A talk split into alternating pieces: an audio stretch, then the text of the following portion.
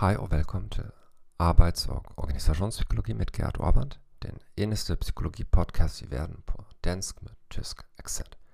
I denne episode vil vi tale om åbenhed for oplevelse. Ifølge Big Five-modellen af personlighedstræk har personer med en høj åbenhedsscore følgende egenskaber. En åben person motiveres af fantasi, hun er kunstnerisk, følelsesorienteret, handlingsorienteret, opfindsom og hun har tendens til at have liberale værdier. Denne faktor er konceptualiseret forskelligt i andre store fem taksonomier.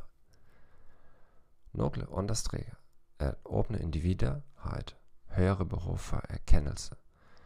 Der er en sammenhæng med videnbaserede intellektuelle aktiviteter. Åbenhed for oplevelse synes at være vigtig for kreative eller kunstneriske job. For andre erhverv er resultaterne imidlertid inkonsekvente.